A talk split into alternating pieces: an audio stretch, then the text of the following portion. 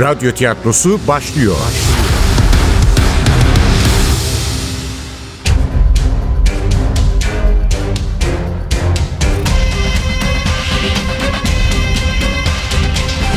Sultanı Öldürmek 4. Bölüm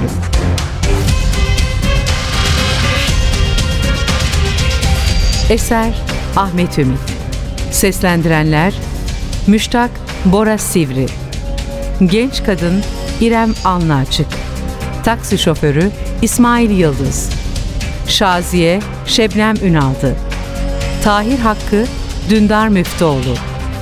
Efektör Cengiz Saral Ses Teknisyeni Ozan Akıncı. Yönetmen Ogün Yağcı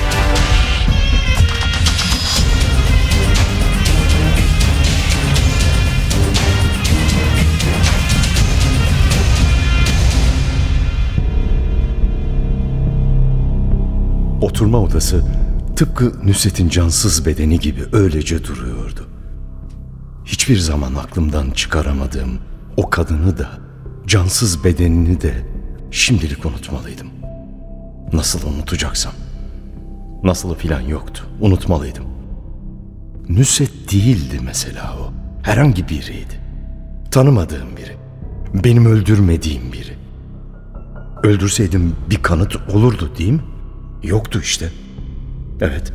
Başka nerelere dokunduğumu hatırlamalıydım. En son temas ettiklerimle başladım. Önce perdeler. Perdeleri bitirince sehpadaki sürahi, bardak.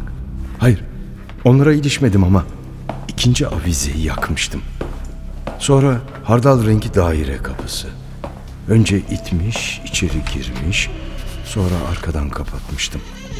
Demek ki hem içerisi hem dışarısı. Nusret'in çağla yeşili mantosunun altında kalan düğmeye bakarak sofanın ışığını yaktım. Elbette parmak izlerimi görmenin imkanı yoktu. Yine de hiçbir iz bırakmadığımdan emin olmak istiyordum.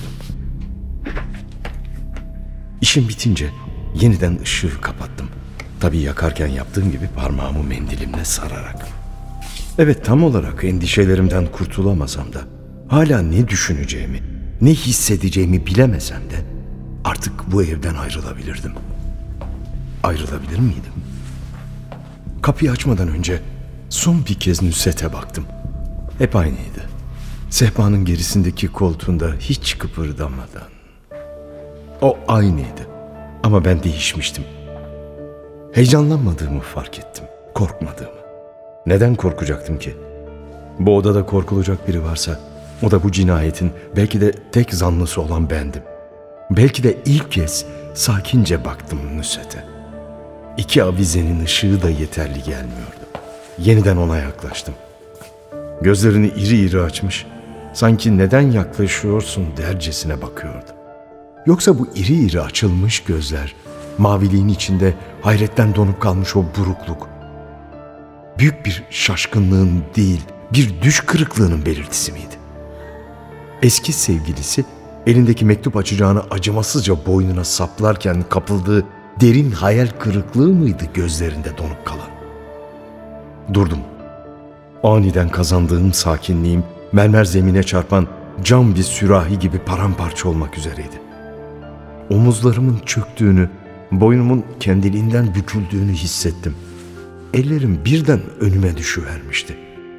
Az önce kendini kurtarma güdüsüyle ataklaşan benliğim usulca çöküyordu. Hemen kaçırdım bakışlarımı sevgilimin cesedinden. Adımlarım geri geri gidiyordu. Gitmek, kaçmak, uzaklaşmak. Bu öğleden sonra Nusret'ten gelen telefonun öncesine dönmek istiyordum. İlk kez gün ışığının yakıcı parlaklığını görüp anne rahmini özleyen bir çocuk gibi. Ne güzel olurdu hiç doğmamış olmak. Tehlikelerden uzakta, güvenli, meraklı gözlerden, insanı teşhir eden ışıkların menzilinin dışında. Öteki insanların sevgisine, şefkatine, merhametine ihtiyaç duymadan. Aslında hala geç değildi. Aradan geçen 60 küsür yıla, öteki insanların sevgisine, şefkatine, merhametine ihtiyaç duymuş olmama, ve çoğunlukla hayal kırıklığına uğramama rağmen hala bu işe bir son verebilirdim. Pek de ironik olurdu. 21 yıldır görmediği sevgilisini mektup açacağıyla boğazladıktan sonra aynı kesiciyle kendi kendisini de çok hazin göründü birden gazetedeki fotoğrafımız. Sehpanın arkasındaki şampanya rengi berjer koltukta Nüset, yerde ben, kalbimin üzerinde sapında Fatih'in tuğrası bulunan gümüşten mektup açacağı. Hayır, düşündüğüm son bu değildi. Evimde, belki yatağımda öldükten günler sonra yayılan koku nedeniyle komşular tarafından bulunmak bile daha iyiydi bundan. Hayır, kaçış da çözüm değildi. Ne yaparsam yapayım, bu kuşku beni takip edecekti. Tek kurtuluş yolu yüzleşmekti. Gerçek neyse onunla göz göze gelmek. Başkalarına itiraf etmesem bile ne yaptığımı bilmeliydim. İyi de nasıl? Ne yaptığını hatırlaman mucize olur. Teyze kızımın ısrarla bakan gözlerini unutup yeniden Nusret'e yaklaştım. Belki cansız bedeni bir şeyler söylerdi bana. Ama yaklaşınca garip bir duyguya kapıldım. Yaklaşınca değil de ona baktıkça önce bana tuhaf gelen ama düşündükçe son derece doğal olan bir hakikatle karşılaştım. Bu yaşlanmaya başlamış beden, bu donuk mavi gözler beni 21 yıl önce terk eden kadına ait değildi. Başka dünyalardan, başka hayatlardan çıkıp gelmiş biri duruyordu karşımda. Gözlerinin rengi aynıydı. Saçları boyanmış ve daha koyu kumral olmasına rağmen onun saçlarıydı. Fakat bir zamanlar mavilikleri içinde kaybolduğum o gözler hiç böyle yabancı bakmamıştı bana. Bu ifadeyi, bu ifadeyi tanımıyordum. Tanıdığım boynuna acımasızca saplanmış mektup açacağıydı. Mektup açacağı. Tamam da hangisiydi acaba? Benimki mi? Yoksa Nusret'e hediye ettiğim mi? Hangisi olacak? Elbette benimkiydi. Mektup açacağını ta Amerika'dan buraya taşıyacak hali yoktu ya kadının. Belki de hiç götürmemişti. Hep buradaydı. Hayır. Kendimi kandırmanın alemi yoktu. Cinayet silahını ben getirmiş olmalıydım. Oysa ne bu keskin aleti almayı düşündüğümü ne de cebime koyduğumu hatırlıyorum. Şaziye kara gözlerini yüzüme dikmiş fısıldıyor. Kriz anları. Psikojenik füg. İşin kötüsü yoksa iyisi mi demeliyim? Bırakın tahammüden cinayeti Nusret'i öldürmeyi aklımdan geçirdiğimi bile sanmıyorum. Teyze kızının tatlı sesi. Bilinçaltımız ele geçirir benliğimizi. Gözlerinde giderek derinleşen bir kuşku. Demek Şaziye de katil olduğumu düşünüyordu.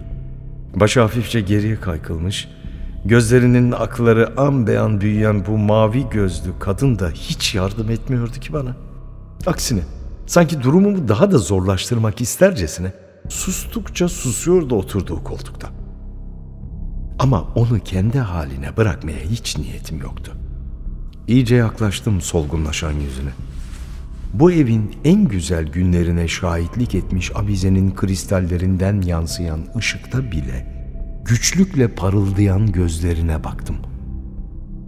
Buzdan maviliklerin içine gelişi güzel serpilmiş yeşil lekelerin altında birkaç saat önce yaşananları, kendi ölümünün sırlarını açıklayacak bir kanıt aramayı sürdürdüm. Hmm, ne yapsam nafile? Ne mavi gözler, ne mavi gözlerdeki menevişini getirmiş yeşiller, bir tek iz, bir tek ipucu, en küçük bir delil bile sunmuyordu bana.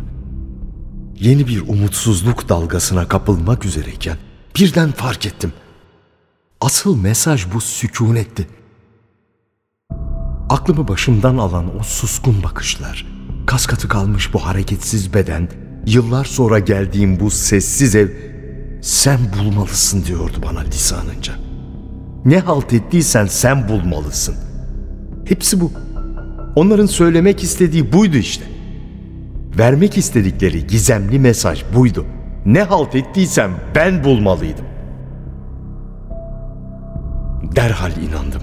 Bu donuk gözlerin, bu katılaşmaya başlayan bedenin, bu meşhum evin kendi lisanlarınca fısıldadığı gizli bildirime. Zaten inanmasaydım çekip çıkaramazdım o mektup açacağını.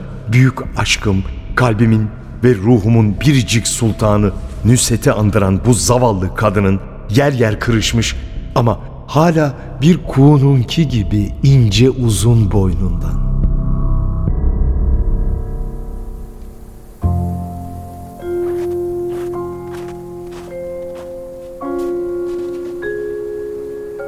Kar iyi geldi. Karanlık gökyüzünden bu gün görmüş sokağın üzerine serpilen beyaz zerrecikler sanki çaresizliğimi anlamış da beni teselli etmek istercesine minik kelebekler gibi usulca yüzüme konuyorlardı. İnsanın doğadan başka sığınacak yeri yoktur. Sonunda başladığımız yere geri döneriz. E nihayetinde döneceğimiz bir yerle irtibatı koparmamakta da yarar var. Tahir Hakkı hocamızın yarı şaka, yarı ciddi tavırla söylediği öğüdüne uydum. Buz gibi havayı derin derin içime çektim. Başım döner gibi oldu. Aldırmadım. Kristalleşmeye başlayan kalın beyaz örtüye bata çıka Sahtiyan apartmanından uzaklaşmaya çalıştım. Çalıştım diyorum. Daha birkaç adım sonra mevsimlik makosenlerimin içindeki parmaklarımın buza kestiğini hissettim. Duraksayacak halim yoktu. Ne ayak bileklerime kadar yükselen kara, ne soğuğun parmaklarımı uyuşturmasına aldırdım. Daha hızlı, daha büyük adımlar atmayı deneyerek ilerlemeyi sürdürdüm. Ellerim sızlanmaya başlamıştı. Paltomun ceplerine soktum. Sağ elim soğuk bir nesneye değdi. Sapına Fatih'in tuğrası işlenmiş mektubu açacağı. Az önce Nüset'in boynundan çıkardığım cinayet silahı. Bu karlı kış gecesinden daha soğuk, kanlı bir alet. Sanki kan bulaşacakmış gibi sağ elimi hızla uzaklaştırdım bu metal nesneden. Oysa mektup açacağını usta bir katil gibi banyoda bir güzel yıkamıştım. Yine de bu alete dokunmak tüylerini diken diken ediyordu insanın. Bir an önce kurtulmalıydım bu lanetli eşyadan. Sadece mektup açacağından mı? Öteki cebimdeki menekşe kokulu sabundan, ölmek üzere olan şu Sahtiyan apartmanından, eski pencerelerinden, kırmızı sardunyalar sarkan birbirinden güzel apartmanların gelinlik kızlar gibi yan yana sıralandığı, şimdi benim gibi miadını çoktan doldurmuş, karın ıssızlığıyla iyice mahzunlaşan bu yaşlı sokaktan. Derhal bir taksi bulmalıydım. Taksiyle hemen Karaköy iskelesine, oradan vapura atlayıp mektup açacağını denizin karanlık sularına. İyi de neden dizlerim kesilir gibi oldu? Neden soluk soluğayım? Caddeye ulaşmak için nefesim yetmeyecek sanki. Sakin olmalıydım. Başımı çevirip Sahtiyan apartmanının az önce sıkı sıkı örttüğüm kapısına baktım. Epitopu 10 metre kadar uzaklaşabilmiştim. Gücümü toparlayıp yeniden karlara bata çıka. Nefesim kesildi kesilecek. Ayak parmaklarım dondu donacak. Ne kadar yürüdüm bilmiyorum. Neden sonra kirpiklerimin ucuna konan beyaz zerrecikleri aldırmadan sokağın ucuna baktım. İşte o anda gördüm köşeden dönen sarı lekeyi. Limon renginden biraz daha koyu. Uçuşan kar taneciklerinin arasında sarı hiç de güzel görünmüyordu. Beyaza kırmızı yakışır. Sandım kan damlamış karın üstüne miydi o türkü? Bluzun üzerindeki kan gibi. Neler saçmalıyordum böyle.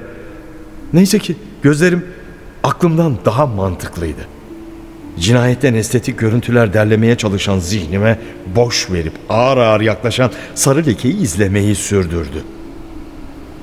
Sarı leke yaklaştı. Yaklaştıkça büyüdü. Büyüdükçe taksiye dönüşerek birkaç metre önümde durdu. Allah'ın bir lütfu mu? Şeytanın işi demek belki daha doğru. Artık her kiminse benim durumumda hiç fark etmezdi.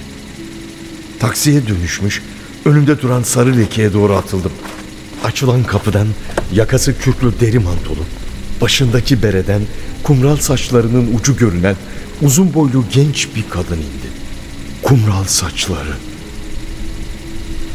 Az önce apartmanda bıraktım. Orta yaşın üzerindeki kadın gibi koyu değil. Yıllar önceki Nusret gibi açık kumral. Bir şey mi dediniz? Açık kumral saçlı, uzun boylu kadın taksinin kapısının önünde durmuş merakla yüzüme bakıyor. Ee, hayır, ta- taksiye binecektim de. Telaşımı biraz kaba bulmuş olan kadın, tamam buyurun geçin dercesine çekildi aracın kapısından. Te- teşekkür ederim. Kendimi arka koltuğa bırakacaktım ki Clark Gable bıyıklı şoförün Nemrut suratıyla karşılaştım. Nereye beyefendi? Karaköy. Va- vapur iskelesine gideceğim. Tamam gel.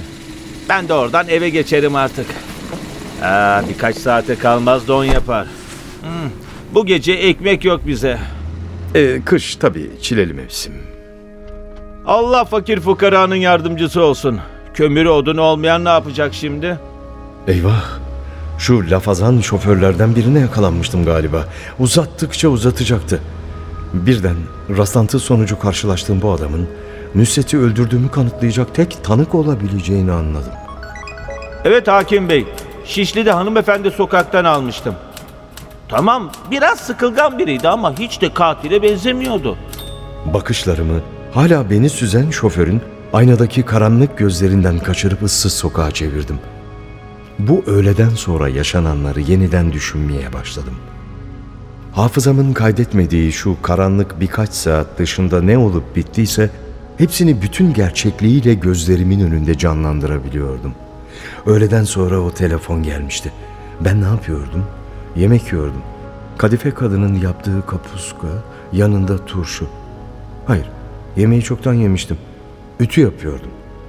Kadife kadının düzgün ütüleyemediği gömleklerimi yeniden Temizlik, düzenlilik, tertiplilik cinsel sorunları olan erkeklerde bir saplantı halini alır. Böyle bir şey mi demişti Şaziye? Yok, erkekler değil, kadınlar için söylemişti. Hem ütüyü çok önce yapmıştım. Belki kapuskayı mideye indirmeden önce. Evet, telefon geldiğinde yemeğimi yemiş, ütüyü çoktan bitirmiştim.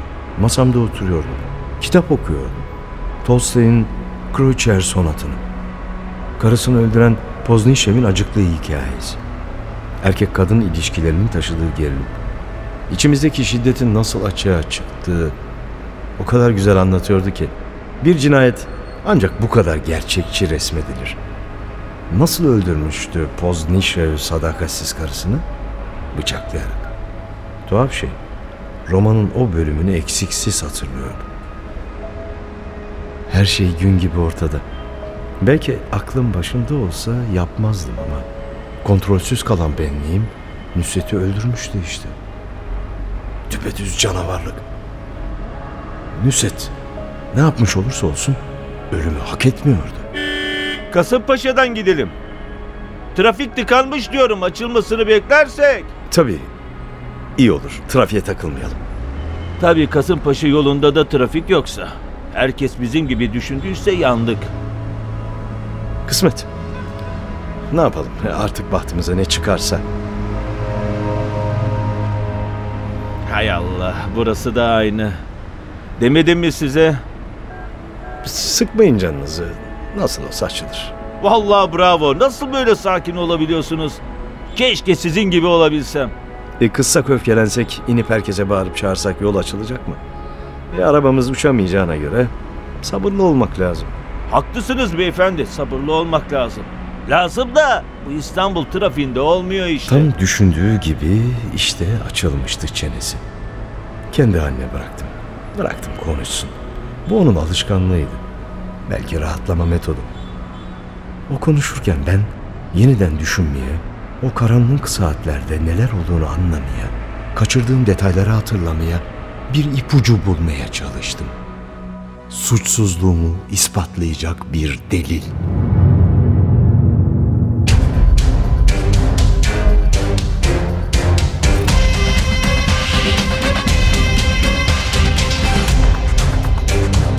Sultanı öldürmek.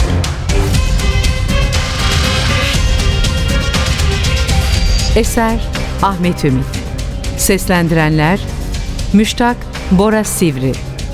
Genç kadın İrem Anlaçık Taksi şoförü İsmail Yıldız. Şaziye Şebnem Ünaldı. Tahir Hakkı Dündar Müftüoğlu. Efektör Cengiz Saran Ses teknisyeni Ozan Akıncı. Yönetmen Ogün Yağcı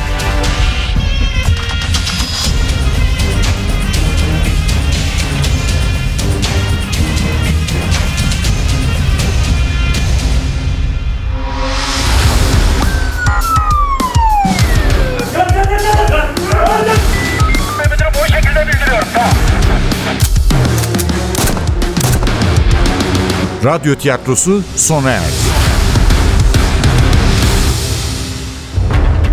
Radyo tiyatrosu her cumartesi 11.10'da NTV Radyo'da. Kaçıranlar ve tekrar dinlemek isteyenler içinse ntvradio.com.tr'deki podcast sayfamızda.